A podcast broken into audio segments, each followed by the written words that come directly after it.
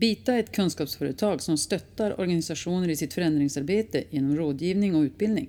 Den här podden är till för att inspirera till lärande och bidra till större kompetens inom områden som leder till en större möjlighet att förstå och hantera digitaliseringen. Det här är andra avsnittet i serien Kompetens och lärande med Oskar Jansson, managementkonsult på Bita och Barbara Carreño, VD på Bita.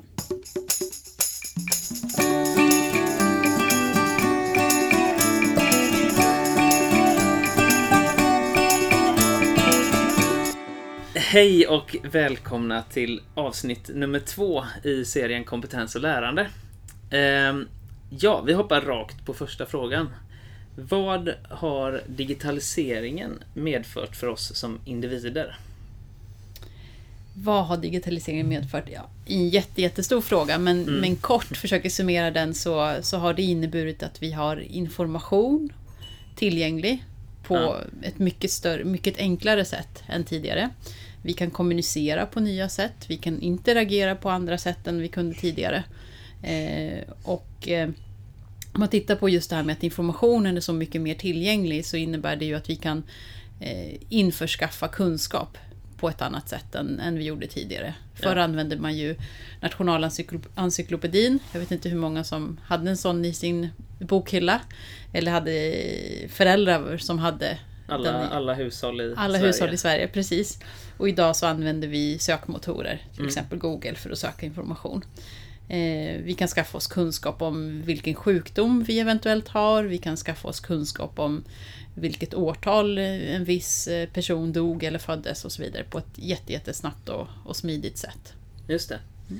Och vad, i och med alla de här förändringarna, vad är det som har förändrats i våra yrkesliv? Det som händer, eller det vi kan se händer, är att vi behöver lära oss i snabbare takt.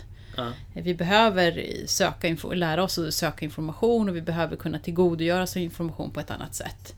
Eh, vi ser också att det blir väldigt stora förändringar i, i yrkeslivet. Vi får ja. nya arbets, arbetsroller, nya arbetssätt. Eh, och det finns också statistik som visar på att det finns en, en mängd nya yrken som kommer att finnas framgent som inte finns idag. Ja. Eh, och det kommer ju också innebära att eh, vi behöver utveckla vår kunskap över tid och ja. lära oss över hela, över hela livstiden då, så att säga.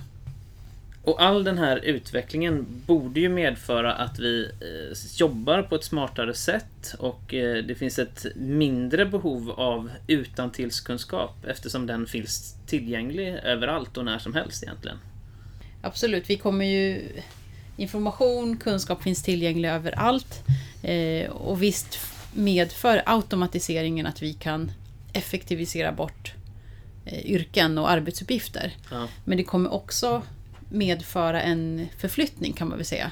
Att vissa yrken kommer kunna effektiviseras bort. Det vill säga sånt som är väldigt eh, till exempel administrativa jobb. Mm. är ett exempel på. Man säger också att eh, läkarens eh, roll kommer att förändras. Ja. För att man har, kan fatta beslut på, på andra sätt genom att information finns och beslutsstöd finns tillgängligt i, i yrket. Ja. I större, och som man använder i större utsträckning än vad man gör idag. Men det kommer också innebära att vi kommer behöva fler specialister. Alltså individer som kan tekniken på ett Eh, djupare sätt, alltså som är djupa inom vissa områden. Då. Så, att, alltså, det kommer inte innebära att vi inte alls behöver bli djupare i, i vår kunskap, utan det kommer vissa, finnas vissa yrken där man behöver vara mer kunnig då, och mer djup i sin kunskap. Just det. Eh, och det kommer också innebära att vi, som jag nämnde där, att, att vi behöver vara beredda på att lära oss eh, förändra vårt lärande över tid, alltså lära mm. oss under flera delar av vårt liv. Att vi kanske utbildar oss till ett yrke mm. eh, en gång och sen så eh, ja, förändrar, förändrar och ställer om och börjar lära oss eh, ett annat yrke ja. i ett annat skede av livet. Så man behöver någon form av, av baskunskap, kanske snarare något någon analytisk förmåga och lite mer logiken bakom än själva utantillskunskapen då? Kan man tänka i de banorna? Ja, absolut. Det kan man ju göra. För man pratar ju...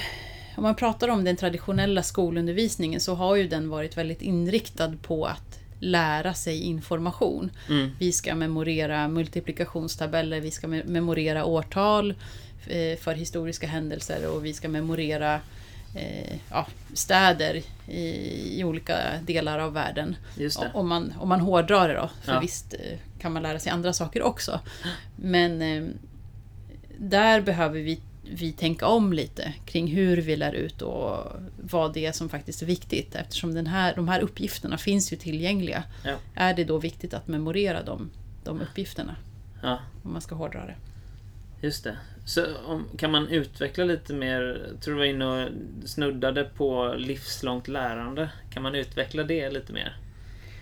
Alltså tanken om att lärande ska vara livs, livslångt, det har ju eh, fun, den är ju inte ny. Det har funnits i lite olika officiella sammanhang eh, redan under 60-talet och man pratade om att lärandet ska vara livslångt som en rättighet för alla individer.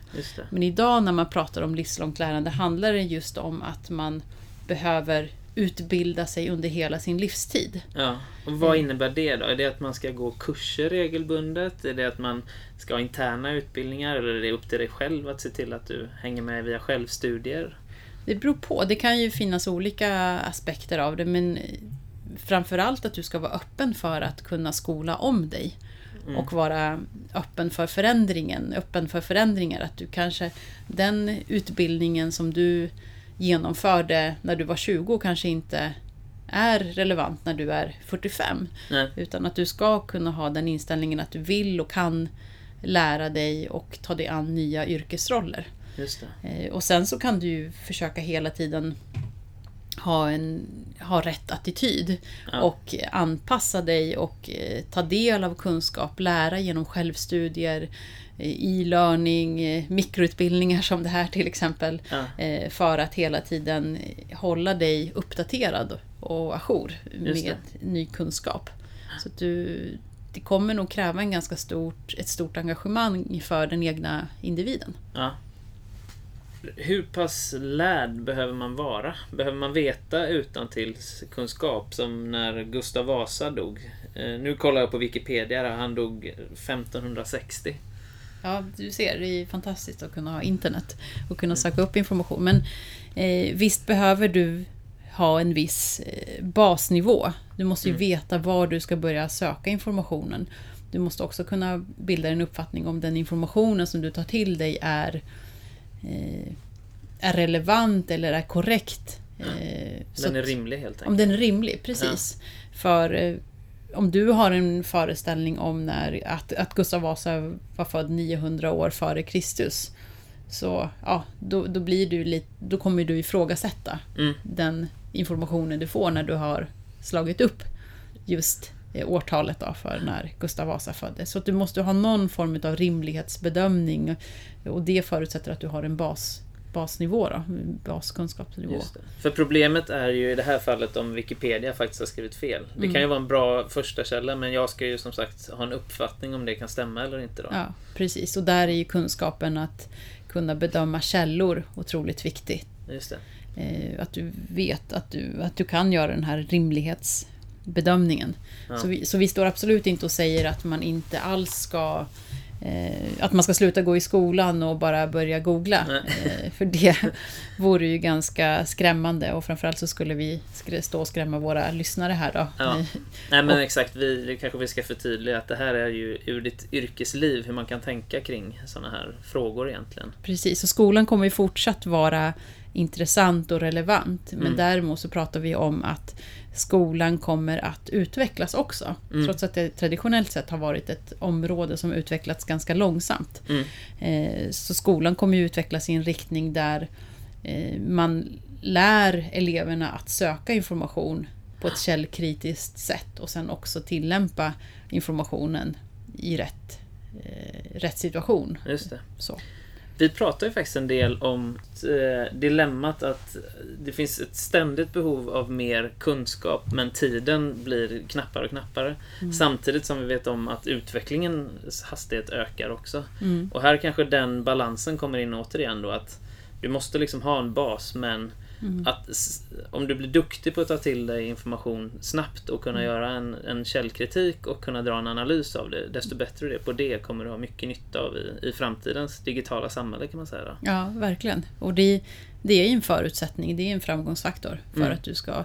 För precis som du nämnde så kommer ju inte takten att avta. Nej. Den här förändringen kommer hela tiden att... Utvecklingen kommer fortsätta.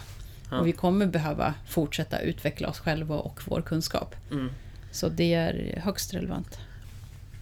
Och om man siar in i framtiden lite här, hur, hur tror du att eh, digitaliseringen kommer påverka sättet som vi utbildas? Jag tror att vi kommer vilja ha... Att vi måste se på utbildning på ett mer diversifierat sätt. Mm. Utbildning behöver inte nödvändigtvis vara traditionell katederundervisning. Utan vi kommer att behöva se på olika, o, olika saker som utbildning. Till exempel kan coachning vara ett sätt att utbilda sig på.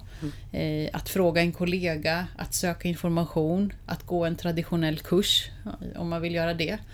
Eh, men digitaliseringen kommer också påverka utbildningsformerna på, på så sätt att vi kanske an, använder tekniken på ett, på ett sätt som ökar vår förståelse. Ja. Det finns ju något som kallas eh, augmented reality. Att man till exempel via en, en enhet, en telefon, eh, kan se, studera geografin eller arkitekturen i en stad och få information direkt i, i den här appen då. Mm. Om de olika byggnaderna till exempel. Att använda augmented reality till exempel i utbildning är någonting som jag tror att vi kommer att se mer av framöver. Ja.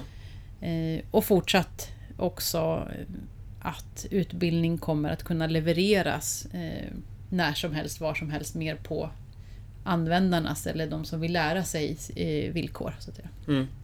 Just det.